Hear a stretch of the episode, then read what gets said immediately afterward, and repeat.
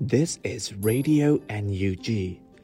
the voice of National Unity Government of Myanmar, broadcasting for Myanmar Spring Revolution. Radio NUG is transmitting from shortwave 16 meter 17.71 megahertz at 8 a.m. and 25 meter 11.965 megahertz at 8 p.m. Myanmar Standard Time. မင်္ဂလာပါခင်ဗျာအမျိုးသားညီညွတ်ရေးအစိုးရရဲ့အတန်လွင့်ဌာန Radio NUG ကိုမနက်၈နာရီမှလိုင်းတို16မီတာ7.3 MHz ညပိုင်း၈နာရီမှလိုင်းတို25မီတာ17.665 MHz တို့မှာဓာတ်ရိုက်ဖမ်းယူနားဆင်နိုင်ပါပြီမင်္ဂလာအပေါင်းနဲ့ပြည့်စုံကြပါစေ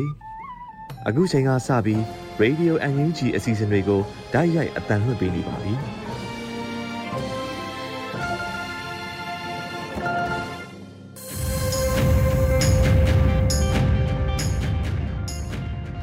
မြန်မာနိုင်ငံသူနိုင်ငံသားအပေါင်းတဘာဝပင်စစ်အာဏာရှင်ဘေးတို့ကနေကင်းဝေးပြီးကိုစိတ်နှပါကျမ်းမာလုံခြုံကြပါစေလို့ရေဒီယိုအန်ယူဂျီအဖွဲ့သားများကဆုတောင်းမေတ္တာပို့သလိုက်ရပါတယ်ရှင်။အခုချိန်မှစပြီးကာကွယ်ဝိညာဉ်ဌာနမှထုတ်ဝေသောစစ်ရေးတရေအကျဉ်းချုပ်ကိုတင်ဆက်ပေးသွားမှာဖြစ်ပါတယ်ရှင်။ကာကွယ်ဝင်ကြီးဌာနအမျိုးသားညီညွတ်ရေးဆိုရမှထုတ်ဝေတဲ့နေ့စဉ်စစ်ရေးတရင်ချင်းချုပ်ကိုတင်ဆက်ပေးတော့မှာဖြစ်ပါတယ်။ ကျွန်တော်ကတော့ຫນွေဦးလင်ပါစစ်ကောင်စီနဲ့တိုက်ပွဲဖြစ်ပွားမှုသတင်းတွေကိုတင်ဆက်ပေးကြပါမယ်။ကယားပြည်နယ်မှာဒီဇင်ဘာလ23ရက်နေ့နေ့လယ်3:30မိနစ်ခန့်က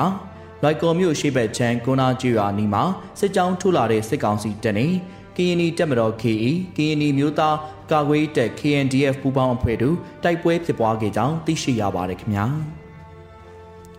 ဒီဇင်ဘာလ12ရက်နေ့ကဒီမော့ဆိုမြို့နယ်ထူလီပီလာကျွော်ခြေတော်ရဖျားတောင်ကြီးအနီးမှာစစ်ကောင်စီတပ်နဲ့ကီနီမျိုးသားကာကွယ်တပ် KNDF ကီနီတပ်မတော် KE တို့၄နိုင်ကြောကြာတိုက်ပွဲဖြစ်ပွားခဲ့ကြောင်းသိရှိရပါတယ်ခင်ဗျာ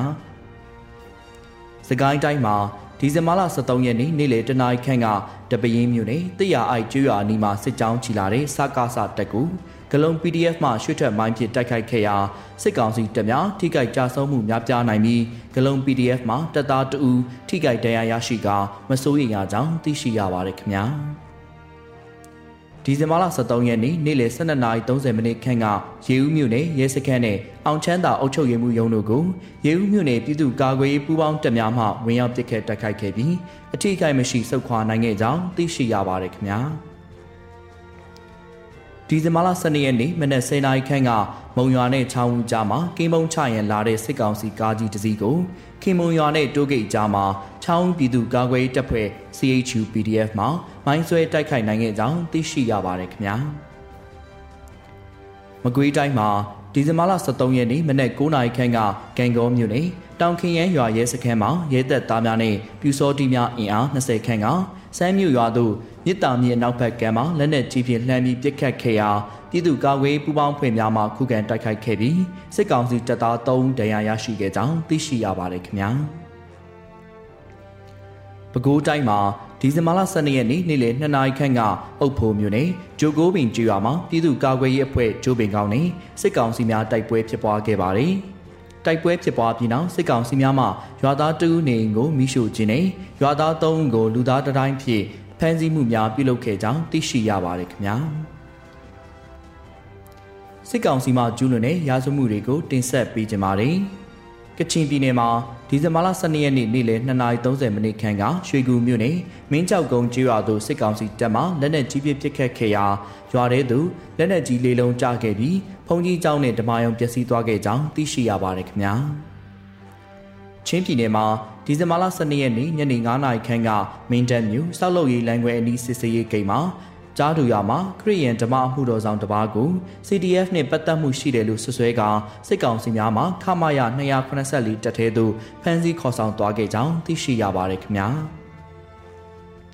မွန်ပြည်နယ်မှာဒီဇင်ဘာလ12ရက်နေ့ညနေ6နာရီခန့်ကမော်လမြိုင်မြို့ထမ်းပေကုန်းရဲ့အထကလေးရှိမှာစိုင်ကယ်မောင်းနှင်လာတဲ့အသက်22နှစ်အရွယ်ကိုစန်းလင်းတက်အားဆလွန်ကားဖြူအောင်တစည်းပေါ်မှလူတချို့ဆင်းလာပြီးတားဆီးကရိုက်နှက်ဖမ်းဆီးသွားခဲ့ကြောင်းသိရှိရပါတယ်ခင်ဗျာ။စကိုင်းတိုင်းမှာ ဒီဒီဇင်ဘာလ23ရက်နေ့နေ့လယ်2:30မိနစ်ခန့်ကကလေးမျိုးတောင်ဘက်ကလေးနည်းပညာတက္ကသိုလ်ရှိမှစိတ်ကောင်းစီတက်မှလမ်းသွားလမ်းလာတူကိုပြစ်တက်ခဲ့ပြီးတက္ကသိုလ်ဝင်းတွင်သို့တည်ဆောင်သွားခဲ့ကြောင်းသိရှိရပါတယ်ခင်ဗျာဒီဇင်ဘာလ23ရက်နေ့မနက်9:00နာရီခန့်ကစိတ်ကောင်းစီတက်နေပြူစောတိပူပေါင်းဖွဲ့များမှအရတော်မြို့နယ်ကဲပါရွာကိုလက်နက်ကြီးများဖြင့်ဝင်ရောက်ပစ်ခတ်ခဲ့ရာပြည်သူနေတရားခန့်ကိုမိရှုဖျက်ဆီးခဲ့ကြောင်းသိရှိရပါတယ်ခင်ဗျာမကွေးတိုင်းမှာ ဒီဇင်ဘာလ12ရက်နေ့ကမင်းမှုမြို့ပေါ်ရှိကရိုအိမှန်ဆိုင်မှလူငယ်တူနဲ့အမတ်နှစ်ရက်ကွက်ဖျားပြူလမ်းကြားထဲရှိလူငယ်တူတို့ကိုစစ်ကောင်စီမှဖမ်းဆီးသွားခဲ့ကြောင်းသိရှိရပါတယ်ခင်ဗျာဒီဇင်ဘာလ12ရက်နေ့နေ့လယ်3နာရီခန့်ကမြိုင်မြို့နယ်ကြောင်ကံရွာသို့စစ်ကောင်စီမှဝင်ရောက်လာပြီးနေအိမ်များကိုဝင်ရောက်ဖျက်ဆီးခဲ့ပါတယ် အိမ်ထဲမှာရပ်ထားတဲ့သုံးဘိန်းဆိုင်ကယ်တစ်စီးဆိုင်ကယ်ရှိစီအားရွာပြင်ထုတ်ကာမိရှို့ခဲ့ခြင်းကြောင့်ကြောင်ကံရွာနဲ့အနီးအနားရှိရွာများမှပြည်သူများမှာတောထဲသို့ပုံဆောင်ထွက်ပြေးနေရကြောင်းသိရှိရပါတယ်ခင်ဗျာမန္တလေးတိုင်းမှာဒီဇင်ဘာလ23ရက်နေ့မနက်တနာရီခန့်ကမဟာအောင်မြေမြို့နယ်တန်လျက်မော်အနောက်အောင်ချမ်းသာရက်ကွက်မှာဒေါ်ဘောကို၎င်းရဲ့သားကိုမတွေ့သဖြင့်စစ်ကောင်စီများမှတကားကန်ဖြစ်အကြမ်းဖက်ဖမ်းဆီးသွားခဲ့ကြောင်းသိရှိရပါတယ်ခင်ဗျာ။ ဒီဇင်ဘာလ23ရက်နေ့မနက်တနာရီခန့်ကတောင်တာမြို့နယ်စကြမ်းကျွော်မှာဒေသခံပြည်သူနှုတ်ဖြစ်တဲ့ဒေါက်တာဘိုဆွနဲ့ကိုအောင်ကျော်စင်ရဲ့နေအိမ်ကိုဝင်းရောက်စီးနေကအကြမ်းဖက်ဖမ်းဆီးသွားတဲ့ပြင်နေအိမ်များကိုလည်းဖျက်ဆီးသွားခဲ့ကြောင်းသိရှိရပါတယ်ခင်ဗျာတနင်္လာရီတိုင်းမှာဒီဇင်ဘာလ12ရက်နေ့ည9နာရီခန့်ကပလောမြို့နယ်မှာ CDN ပြုလုပ်ထားတဲ့လက်ထောက်ပညာရေးမှူးဦးတာဝင်းနဲ့အမျိုးသမီးငယ်2ဦးဟာ ဖိုးရှမ်းကမ်းခြေအနီးမှာစစ်ဘက်ရေးရာလုံခြုံရေးတပ်ဖွဲ့ဆာရဖကားဖြစ်တိုက်ခံရပြီးတိတ်ဆုံးသွားခဲ့ကြောင်းသိရှိရပါတယ်ခင်ဗျာ ရန်ကုန်တိုင်းမှာဒီဇင်ဘာလ12ရက်နေ့ည9:00နာရီခန့်ကမြောက်ကလာပါမြို့နယ်စာလုံးရက်ကွက်ဝဇီယာနှစ်လန်းမြောက်ဖက်အတွင်းသို့စစ်ကောင်စီတပ်များနဲ့ရဲများရောက်ရှိလာပြီးအသက်မပြည့်သေးတဲ့ကလေးငယ်များအပါအဝင်အပြစ်မဲ့လူငယ်များကိုရိုက်နှက်ကန်ကြောက်စစ်ဆေးခြင်းများပြုလုပ်ခဲ့ပြီးအသက်မပြည့်သေးတဲ့ကလေးများအပါအဝင်ကြားမကိုဦးကိုအကြောင်းပြချက်မရှိဖမ်းဆီးခေါ်ဆောင်သွားခဲ့ကြောင်းသိရှိရပါတယ်ခင်ဗျာ ယခုတင်ဆက်သွားတဲ့သတင်းတွေကိုမြေပြင်သတင်းတာဝန်ခင်များနဲ့သတင်းဌာနတွေမှာဖော်ပြလာတဲ့အချက်လက်တွေပေါ်အခြေခံပြုစုထားခြင်းဖြစ်ပါတယ်။ကျွန်တော်အနွေဦးလင်ပါပါ။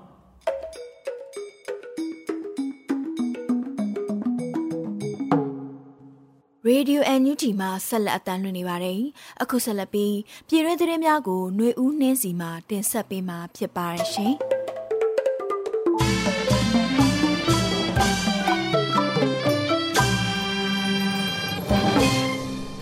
ခုချိန်ကစပြီးနောက်ဆုံးရပြည်တွင်သတင်းများကိုဖတ်ကြားပါတော့မယ်။ဤသတင်းများကို Radio UNG သတင်းတာဝန်ခံများနဲ့ခိုင်လုံသောမိဖက်သတင်းရင်းမြစ်များစီမှအခြေခံတင်ပြထားခြင်းဖြစ်ပါရဲ့ရှင်။စစ်ကောင်စီလက်အောက်ခံကာကဝင်တိုက်လို့ CDM လက်ထောက်ပညာရေးမှူးနဲ့အတူအမျိုးသမီးငယ်2ဦးအသက်ဆုံးရှုံးခဲ့ပါတယ်။တရင်တိုင်းတိုင်းတဝေခရိုင်ပလောမျိုးနဲ့ဖိုးရှမ်းကင်းချီအနီးမှာဒီဇင်ဘာလ12ရက်နေ့ည9:00နာရီဝန်းကျင်တွင်ကာတိုက်မှုဖြစ်ပွားခဲ့တာပါ။ အရှင်ပြပြနဲ့ဝင်တိုက်ခဲ့တဲ့ကားဟာစစ်ကောင်စီလက်အောက်ခံစစ်ဘက်ရေးရာလုံခြုံရေးတပ်ဖွဲ့စရဖကားဖြစ်တယ်လို့ဒေသခံတွေကပြောပါတယ်။ ကားတိုက်ခံရခြင်းကြောင့်စီရီယန်ပြုတ်လုထားတဲ့လက်ထောက်မြို့နယ်ပညာရေးမှူးအသက်58နှစ်အရွယ်ဆရာဦးတာဝင်းဟာစေယုံကိုသွားနေစဉ်လမ်းမှာပဲအသက်ဆုံးရှုံးခဲ့ပါတယ်။တည်ဆုံးသူဆရာဦးတာဝင်းဟာနေခင်တနာရီခွဲလောက်အိမ်ကနေထွက်သွားပြီးမိတ်ဆွေမွေးနေ့ပွဲကိုတက်ဖို့ကန့်ချီကိုသွားခဲ့ကြောင်းကန့်ချီမှနေ၍အတီတယောက်ကိုကန့်ချီနဲ့သုံးမိုင်ခန့်ဝေးတဲ့ရေချိုရွာကိုဆိုင်ကယ်ပြစ်လိုက်ပို့ရမှာကန့်ချီတို့ပြန်လာစဉ်တွင်အခုလိုကားတိုက်ခံရတာဖြစ်ကြောင်းဒေသခံတဦးကပြောပါတယ်။ ဆရာဦးတာဝင်းကိုမတိုင်မိခင်မှာပဲလက်နက်ဘေးရက်စကားပြောနေတဲ့အမျိုးသမီးငယ်လေးဦးကိုအရှင်ပြင်းပြင်းနဲ့အရင်တိုင်မိပြီးနှစ်ဦးမှပွဲချင်းပြီးတည်ဆုံပြီးနောက်တဦးကတရားရသွားပါတယ်။အဆိုပါလမ်းမှာရက်စကားပြောနေတဲ့အမျိုးသမီးငယ်လေးဦးကလည်းကန်းချီကပြန်လာသူတွေဖြစ်ပြီးအသက်20ဝန်းကျင်အရွယ်မဆောင်းမြတ်အောင်နဲ့မချူတီရီနိုင်တို့ဖြစ်ကပွဲချင်းပြီးတည်ဆုံခဲ့ပါတယ်။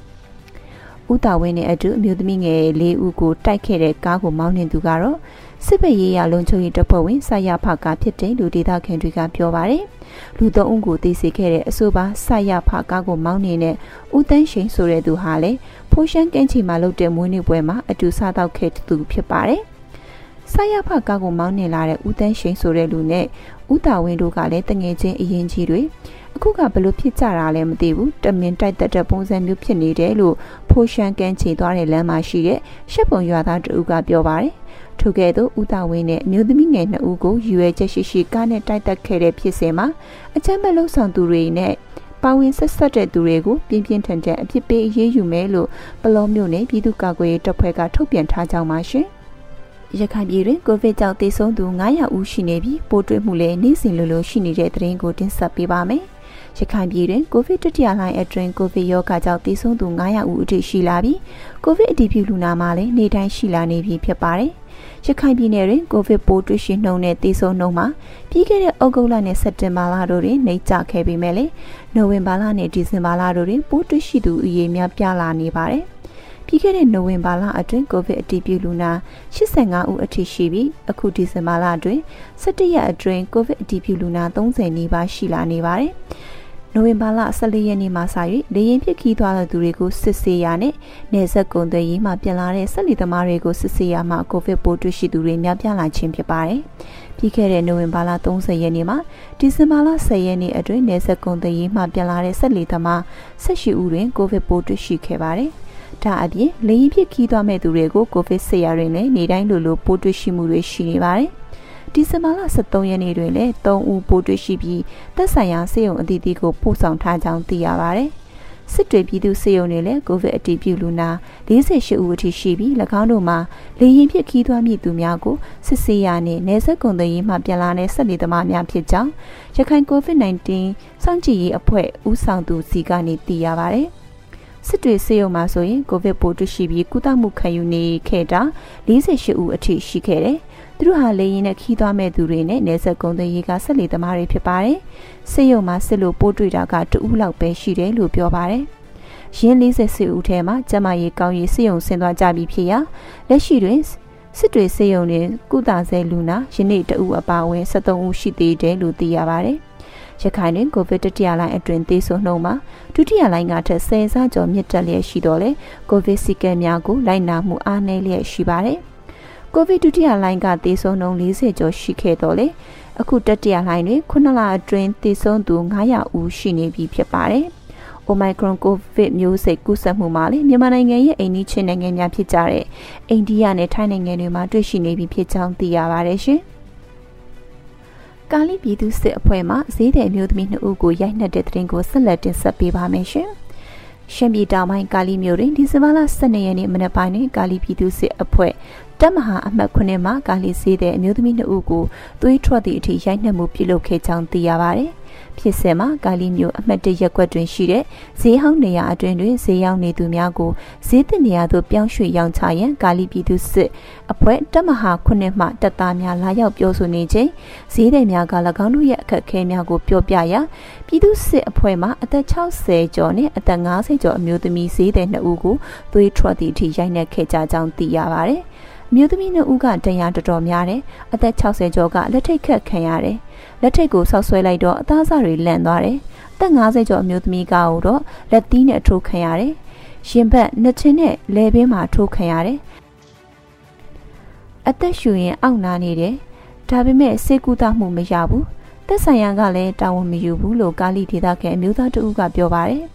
လက်ရှိတန်ရာပြင်းထန်စွာရရှိနေတဲ့အမျိုးသမီး2ဦးစေကူတာရန်အတွက်သက်ဆိုင်ရာတာဝန်ရှိသူတွေတွားရောက်ပြောဆိုခဲ့ပေမဲ့လည်းတာဝန်ရှိသူမှတာဝန်ယူမှုတာဝန်ခံမှုမရှိတဲ့အပြင်ကာလီစေသူစေသားများကိုလည်းတစုံတရာမှလာရောက်ပြောဆိုခြင်းမရှိခဲ့ပေအသက်60အမျိုးသမီးကဈေးတစ်ကိုတွားရောက်ရင်အဆင်မပြေဘူးခက်ခဲတယ်လို့ပြောလို့ပြည်သူစစ်ကလက်ထိတ်ခတ်လိုက်တာ နောက်တစ်ယောက်ကဒီလိုလက်ထိတ်မခတ်နဲ့အာနာမသုံးနဲ့လို့ပြောလို့ပြည်သူစစ်ကလက်သီးနဲ့အကြိမ်ကြိမ်ထိုးလဲကြတဲ့အထိပဲလို့မျက်မြင်တွေ့ရှိတဲ့အသက်50ကျော်မျိုးသားတဦးကပြောပါတယ်ရှင်ကဲ့သို့ရုံရင်းဆန်ခတ်ဖြစ်နေချိန်မှာလူငယ်တွေနဲ့ရက်ွက်လူကြီးအချို့မှရောက်လာပြီးလက်ထိတ်ကိုဖြည့်ပေးရန်တောင်းဆိုရမှာပြည်သူစစ်တပ်ဖွဲ့တို့ကလက်ထိတ်ကိုဆောက်ဆွဲပြီးဖြုတ်လိုက်တဲ့ပြည့်လက်ထိတ်ခတ်ခံထားရတဲ့အမျိုးသမီးရဲ့ဘဲဘက်လက်တစ်ခုလုံးထုံကျင်သွားပြီးအသားများလည်းလှန်ထွက်သွားကြောင်းသိရပါတယ် ဈေးအတွင်းသို့ရောက်လာပြီးအမျိုးသမီးဈေးသည်များကိုရိုက်နှက်မှုများပြုလုပ်ခဲ့တဲ့ကာလီပြည်သူစစ်တောက်ဈေးအတွင်းအခွန်ကောက်နေတဲ့အမျိုးသားကြောက်လန့်ပြီးသတိလစ်သွားတဲ့အတွက်လက်ရှိတွင်စေယုံတင်ထားရကြောင်းဒေသခံတွေရဲ့ပြောပြချက်အရသိရပါတယ်။ပြည်သူစစ်တပ်ဖွဲ့တို့မှလက်နက်အပြည့်အစုံဖြင့်ဈေးသူဈေးသားတို့ကိုနိုင်ထက်စီးနင်း မတရားပြုလုပ်ရိုက်နှက်ခြင်းနဲ့ပတ်သက်ပြီးပြည်သူတွေနဲ့ဈေးသူဈေးသားများစုပေါင်းကကာလိပြည်သူစစ်တပ်မဟာအမှတ်ခုနှစ်ဌာနချုပ်သို့တွားရောက်ခဲ့ပေမဲ့လည်းဝင်ခွင့်မပေးတဲ့အပြင်လက်ခံစကားပြောခြင်းလည်းမရှိကြောင်းဒေသခံတွေကပြောပါတယ်။ဈေးကိုရောက်လာတဲ့ကာလိပြည်သူစစ်တပ်ဖွဲ့တပ်မဟာအမှတ်ခုနှစ်ဟာစုစုပေါင်းအင်အား20ဝန်းကျင်ခန့်ရှိပြီးတနက်များကိုစီဖြင့်ကာလိပြည်သူစစ်ယူနီဖောင်းများဝတ်ဆင်ထားကြောင်းလည်းသိရပါတယ်။ထို့ကဲ့သို့ပြုမှုဆောင်ရွက်ခြင်းနဲ့ပတ်သက်ပြီး ကာလိပြည်သူစစ်တပ်မဟာအမှတ်ခုနှစ်ကိုဆက်သွယ်မေးမြန်းရန်စ조사ခဲ့တော့လေအဆက်အသွယ်မရရှိခဲ့ပါရှင်။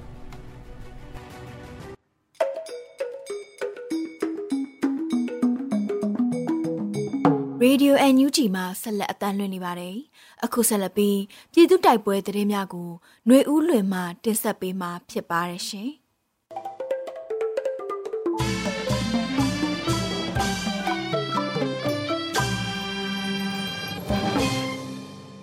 ပထမဆုံးအနေနဲ့စကိုင်းတိုင်းပလဲမြို့နယ်ဘက်ကိုတက်သွားတဲ့စစ်ကောင်စီရင်တန်းဗဒေသာမိုင်းမိပြီးရေဦးမြို့မှရဲစခန်းလဲတိုက်ခိုက်ခံရတဲ့တဲ့ရင်ကိုတင်ဆက်မှာပါဒီကနေ့မနက်အစောပိုင်းကမုံရွာနာမခကနေပလဲဘက်ကိုနှစ်တုပ်ခွဲတက်သွားတဲ့စစ်ကား58စီးပါရင်တန်းဟာရင်းမဲ့ပင်နဲ့ပလဲကြားကလဲငေါ့ရွာငါးမောင်းရွာတို့မှာဗဒေသာမိုင်းတွေမိပြီးရင်နှစီးပျက်စီးကစစ်ကောင်စီတပ်သားတို့ထိခိုက်မှုတွေရှိခဲ့တယ်လို့ပလဲဒေတာကန်တဲ့ဦးကဒေတာတွင်တရင်ရင်းမြစ်ဖြစ်တဲ့ချင်းတွင် review ကိုပြောဆိုခဲ့ပါတယ်အလားတူရေဦးမြို့ပေါ်ကမြို့မရဲစခန်းကိုလည်း ဒေသကာကွယ်ရေးပူးပေါင်းအဖွဲ့တွေနဲ့ရေဦးပကဖတို့ပေါင်းပြီးလက်ပစ်ဖုံ၅လုံးနဲ့တိုက်ခိုက်ခဲ့ရမှာကာကွယ်ရေးအဖွဲ့တွေဘေးကင်းပြီးစစ်ကောင်စီလက်အောက်ခံရဲတွေအထိကိမသိရသေးဘူးလို့ရေဦးပကဖကထုတ်ပြန်ထားပါတယ်။ချင်းတွင်း AR မြစ်ဆုံမှာတော့စစ်ကောင်စီစစ်ကြောင်းဟာပေါက်ချောင်းရွာကိုရောက်ရှိနေပြီးစင်တဲရွာက9000နေတဲ့ပြည်သူ၃ဦးကိုပြစ်တက်ခဲ့တယ်လို့ဒေသခံသတင်းရင်းမြစ်ကချင်းတွင်း review ကိုအတည်ပြုထားပါတယ်။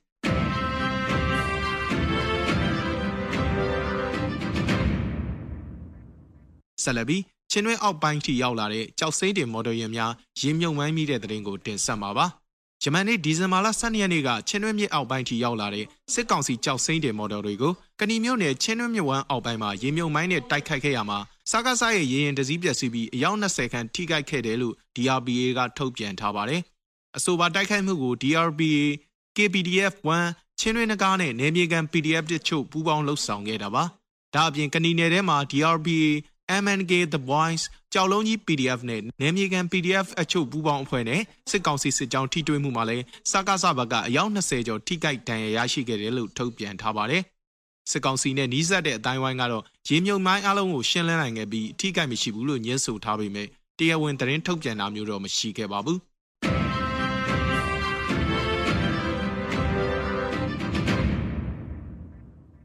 ဆလဘီ တောင်သာမှာစစ်တပ်တက်ဆွဲတဲ့နေရာကို PDF ဝင်ပစ်ပြီးစစ်သားလေးဦးသေဆုံးတဲ့တဲ့တင်ကိုတင်ဆက်မှာဖြစ်ပါတယ်။မန္တလေးတိုင်းတောင်သာမြို့ပေါ်မှာဒီဇင်ဘာလ12ရက်နေ့မွန်လွဲ3နာရီအချိန်မှာတောင်သာမြို့နယ်မင်္ဂလာဦးရက်ကွက်စာတင်ကျောင်းမှာတက်ဆွဲထားတဲ့စစ်တပ်ကိုမြေလက် PDF 27 Revolution Force နထိုးကြီး Regional Force 7 PDF တို့ပူးပေါင်းပြီးတိုက်ခိုက်ခဲ့ရာစစ်သားလေးဦးသေဆုံးပြီးဗိုလ်တအုပ်ထိခိုက်ဒဏ်ရာရရှိကြောင်းသိရှိရပါတယ်။အလားတူမကွေးတိုင်းတောင်တွင်းကြီးမြို့စီပင်ရုံးနဲ့ MPD ရုံးကိုဒီဇင်ဘာလ23ရက်နေ့က MTA နဂါတပ်ဖွဲ့နဲ့မဟာမိတ်ဘေတနိုး PDF ကပူးပေါင်းတိုက်ခိုက်ခဲ့ကြောင်းသတင်းထုတ်ပြန်ထားတာပါအတန်တိတ်တပိတ်ပါဝင်မှုနဲ့ဈေးသည်များကိုဈေးဆိုင်ပိတ်ခိုင်းခဲ့တဲ့စီပင်နဲ့စစ်တပ်အားပေး MPD ရုံးတို့ကိုတတိပေးတိုက်ခိုက်ခြင်းဖြစ်တယ်လို့ PDF များကထုတ်ပြန်ပါတယ်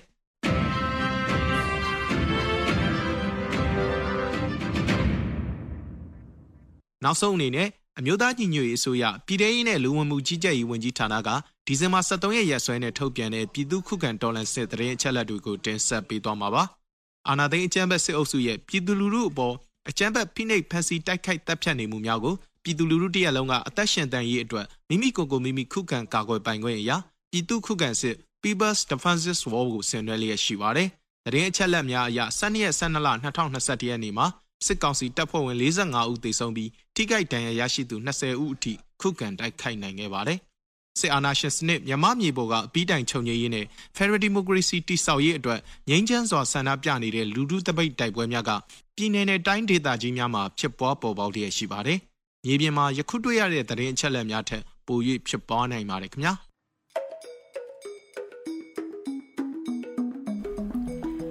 Radio NUG မှာဆက်လက်အသံလွှင့်နေပါတယ်။အခုဆက်လက်ပြီးနေ့စဉ်သတင်းတင်ဆက်မှုကိုမတ်ထထအိန္ဒြာအောင်မှတင်ဆက်ပေးမှာဖြစ်ပါတယ်ရှင်။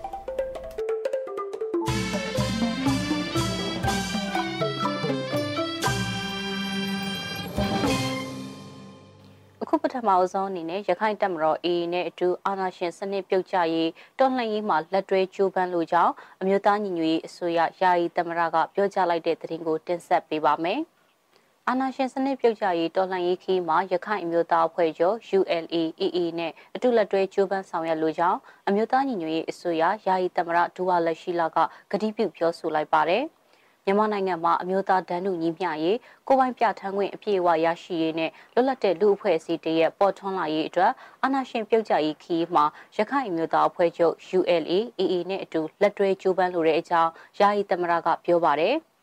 ရခိုင်မျိုးသားအဖွဲ့ချုပ် ULA ဗဟိုကော်မတီကအန်ယူဂျီယာယီသမရဒူဝါလက်ရှိလာနဲ့ယာယီသမရကရောလက်ထော်နန်တောင်တို့ရဲ့အိမ်တော်သက်240ပြည့်မြောက်တဲ့ဗရမ ्या ရတုမင်္ဂလာအထိမ်းအမှတ်နေ့မင်္ဂလာဆုမွန်တဝန်လွှာပေးပို့ခဲ့တာဖြစ်ပါတယ်။ ယာယီသမရနဲ့ယာယီသမရကတော်တို့ရဲ့240ပြည့်မင်္ဂလာတက်တန်းမှစပြီးနောက်နှစ်ပေါင်းများစွာအထိမိသားစုအလုံးနဲ့အတူတက်ရှိအနာကင်းကျမ်းမာပြီးအမျိုးသားလူမျိုးရေးအောင်ပွဲကိုရယူနိုင်ပါစေကြောင်းရခိုင်မျိုးသားအဖွဲ့ချုပ်ကစုမွန်ကောင်းတောင်းပေးလိုက်တာကိုတွေ့ရပါတယ်။ရခိုင်မျိုးသားအဖွဲ့ချုပ်ကဒီလိုစုမုံကောင်းတဝန်လွှာကိုပေးပို့တာနဲ့ပတ်သက်ပြီးယာယီသမရကကျေးဇူးတင်တဝန်လွှာပြန်လည်ပေးပို့ရမှာအခုလိုကတိပြုခဲ့တာဖြစ်ပါတယ်။ ယာယီသမရကအမျိုးသားညီညွတ်ရေးအစိုးရတိုင်းသားမဟာမိတ်မိဖက်အဖွဲ့အစည်းများနဲ့အတူလက်တွဲပြီးတော့တက်ရှိကျမ်းမှာစွာဆက်လက်တာဝန်ထမ်းဆောင်သွားမယ်လို့ဆိုပါတယ်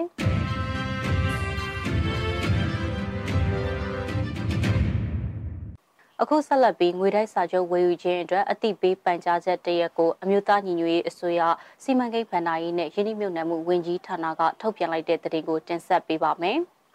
အထူးငွေတိုင်းစာချုပ်ဝယ်ယူဖို့အတွက် RHB ဘဏ်ကိုလွှဲပို့ခဲ့တဲ့ငွေတွေပြန်လည်လွှဲအပ်ပေးမယ်လို့ RHB ဘဏ်ကအကြောင်းကြားလာကြောင်းအမျိုးသားညီညွတ်ရေးအစိုးရစီမံကိန်းဗဏ္ဍာရေးနဲ့ယင်းနှိမ့်မြုပ်နှံမှုဝန်ကြီးဌာနကထုတ်ပြန်ပါတယ်။အချိန်တို့အတွင်း American Dollar တန်ပေါင်းများစွာစီးဝင်လာတာကြောင့် RHB ဘဏ်အနေနဲ့လက်ခံစီမံပေးဖို့အခက်အခဲရှိနေတာဖြစ်တယ်လို့လည်းသိရပါဗျ။ RHB ဘဏ်ဘက်ကဒီဇင်ဘာဒုတိယဘက်ကစပြီးပြည်လည်ငွေလွှဲပေးပို့သွားမှာဖြစ်တယ်လို့ထုတ်ပြန်ချက်မှာပါရှိပါတယ်။ ဒါပေမဲ့အသုံးပြုထားတဲ့ဘဏ်ကတဆင့်ချိတ်ဆက်ထားတဲ့ဘဏ်အခြား application တွေပေါ်မူတည်ပြီးတော့အချင်းကွာခြားမှုကတအုပ်နဲ့တအုပ်တူညီမှာမဟုတ်တဲ့အတွက်တီးခန့်ဆောင်ဆိုင်ပေးဖို့စီမံကိန်းဗဏ္ဍာရေးနဲ့ရင်းနှီးမြှုပ်နှံမှုဝန်ကြီးဌာနရဲ့ထုတ်ပြန်ချက်မှာပါရှိပါတယ်။အမျိုးသားညီညွတ်ရေးအစိုးရစီမံကိန်းဗဏ္ဍာရေးနဲ့ယင်းနှိမ့်မြုပ်နှံမှုဝန်ကြီးဌာနကငွေတိုက်စာချုပ်ကိစ္စရပ်တွေနဲ့ပတ်သက်ပြီးမေးမြန်းစုံစမ်းနိုင်မှုအတွက် facebook.com/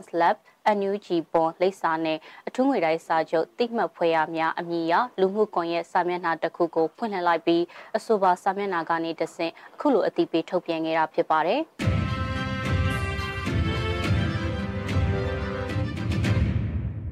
ဆက်လက်ပြီးမြန်မာလွှတ်တော်ကိုယ်စားလှယ်နဲ့အတူရက်တီကြောင့် IPU ထုတ်ပြန်ချက်ကို CRPH ကြိုးဆိုပြီးမြန်မာပြည်သူလူထုရဲ့အသက်နဲ့အခွင့်အရေးကိုကာကွယ်ပေးဖို့တောင်းဆိုလိုက်တဲ့တင်ကိုတင်ဆက်ပေးပါမယ်။ လူအခွင့်အရေးချိုးဖောက်ခံနေရတဲ့မြန်မာလွှတ်တော်ကိုယ်စားလှယ်တွေနဲ့အတူရက်တည်တဲ့နိုင်ငံတကာပါလီမန်များအဖွဲ့ IPU ရဲ့ဆုံးဖြတ်ချက်ကိုကြိုဆိုကြောင်းပြည်ထောင်စုလွှတ်တော်ကိုစားပြုကော်မတီကဒီကနေ့ဒီဇင်ဘာလ23ရက်နေ့မှာထုတ်ပြန်ပါတယ်။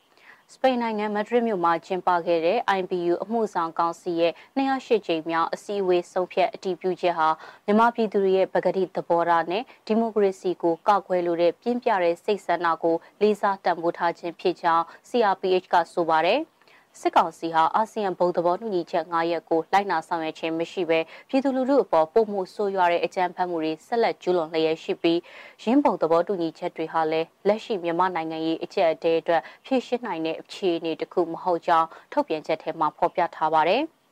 ဒါအပြင် CRPH အနေနဲ့မြန်မာနိုင်ငံမှာအကြမ်းဖက်စစ်ကောင်စီတပ်တွေရဲ့လူအခွင့်အရေးချိုးဖောက်နေမှုတွေဥပဒေမဲ့ဖမ်းဆီးနေမှုတွေညှဉ်းပန်းနှိပ်စက်တပ်ဖြတ်နေမှုတွေရပ်တန့်ရေးအပါအဝင်စစ်အာဏာရှင်စနစ်အပြီးတိုင်ချုပ်ငြိမ်းရေးတို့အတွက်နိုင်ငံတကာအတိုင်ဝန်းနဲ့ပူးပေါင်းဆောင်ရွက်နေတယ်လို့ဆိုပါတယ်။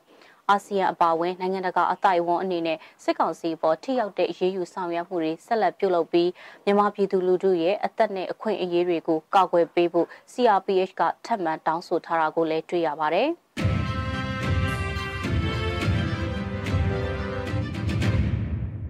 ဆက်လက်ပြီးဆီယနာရှင်စနစ်နဲ့အာနာရှင်စနစ်အမျိုးမျိုးကိုနီလန်ပေါင်းစုံနဲ့တော်လှန်ဖို့ပို့အမျိုးသားဖက်ဒရယ်ကောင်စီ PNFC ကိုဖွဲ့စည်းလိုက်တဲ့တဲ့တင်ကိုတင်ဆက်ပေးပါမယ်။ ပိုးလူမျိုးအပါအဝင်တိုင်းသားလူမျိုးပေါင်းစုံလူထုလူဒန်းစားအလွှာအသီးသီးမှာပြည်သူလူထုတရလုံးနဲ့အတူဆရာနာရှင်စနစ်နဲ့အာနာရှင်စနစ်အမျိုးမျိုးကိုနီလန်ပေါင်းစုံနဲ့တော်လှန်ဖို့ပိုးအမျိုးသား Federal Council PNFC ကိုဖွဲ့စည်းလိုက်တယ်လို့အဲ့ဒီအဖွဲ့ကထုတ်ပြန်ပါတယ်။ ဒီဇင်ဘာလ17ရက်နေ့မှာကြာရောက်တဲ့82ချိန်မြောက်ပရိသတ်စန့်ကျင်တော်လှန်ရေးနေ့မှာဒေသပေါင်းစုံအလွှာပေါင်းစုံအဖွဲ့အစည်းပေါင်းစုံကပအို့တော်လှန်ရေးအင်အားစုတွေစုပေါင်းပြီးတော့ပို့အမျိုးသားဖက်ဒရယ်ညီလာခံကိုကျင်းပပြီးဖက်ဒရယ်ကောင်စီကိုဖွဲ့စည်းလိုက်ခြင်းဖြစ်တယ်လို့ PNFC ပြောရေးဆိုခွင့်ရှိသူခွန်ဝေထူးကပြောပါတယ်။ ဒါဟာရခင်ကတမိုင်းကိုကျွန်တော်တို့ပြန်လည်ပြီးတော့အသက်သွင်းတယ်လို့ဒီကောင်စီဟာလည်းအလှပေါင်းဆောင်အင်အားပေါင်းဆောင်ပါဝင်တာဖြစ်တဲ့အတွက်ဒီတော်လှန်ရေးမှာထိထိရရောက်နက်နက်ရှိုင်းရှိုင်းနဲ့ပါဝင်နိုင်မဲ့အင်အားတရဖြစ်ပါတယ်လို့ခွန်ဝေထူးကဆိုပါတယ်ပိုးအမျိုးသားဖက်ဒရယ်ကောင်စီမှာပါဝင်တဲ့ပိုးလက်နက်ကိုင်အင်အားစုမှာကရင်ပြည်နယ်နဲ့မော်ပြည်နယ်မှာရှိတဲ့ပိုးတိုင်းရင်းသားလူငယ်တွေနဲ့စုဖွဲ့ထားတဲ့ပိုးပြည်သူကာကွယ်ရေးတပ်ဖွဲ့ဖြစ်ပါတယ်။ အိုးမြို့သားဖက်ဒရယ်ကောင်စီဟာလူထုတွေရင်ဆိုင်နေရတဲ့အသက်အိုးအိမ်စီစဉ်ပျက်စီးဆုံးရှုံးမှုများလူခွင့်ရေးချိုးဖောက်ခံရမှုများတဘောအရင်မြင့်ဆုံးရှုံးဖျက်ဆီးခံရမှုများစတာတွေကနေကောက်ွယ်စောင့်ရှောက်သွားမယ်လို့ထုတ်ပြန်ထားပါတယ်ဒီမိုကရေစီရဲ့အမျိုးသားတန်းတူရေးနဲ့ကိုပိုင်ပြဋ္ဌာန်းခွင့်ကိုအာမခံတဲ့ပြည်내သစ်များပေါ်ထွန်းခွင့်ရှိတဲ့ Federal Democracy ပြည်ထောင်စုတည်ဆောက်နိုင်ရေးအတွက်တိုင်းသားလူမျိုးပေါင်းစုံပြည်သူလူထုတရက်လုံးနဲ့အတူပူးပေါင်းဆောင်ရွက်သွားမယ်လို့လည်းကြေညာထားတာကိုတွေ့ရပါတယ်။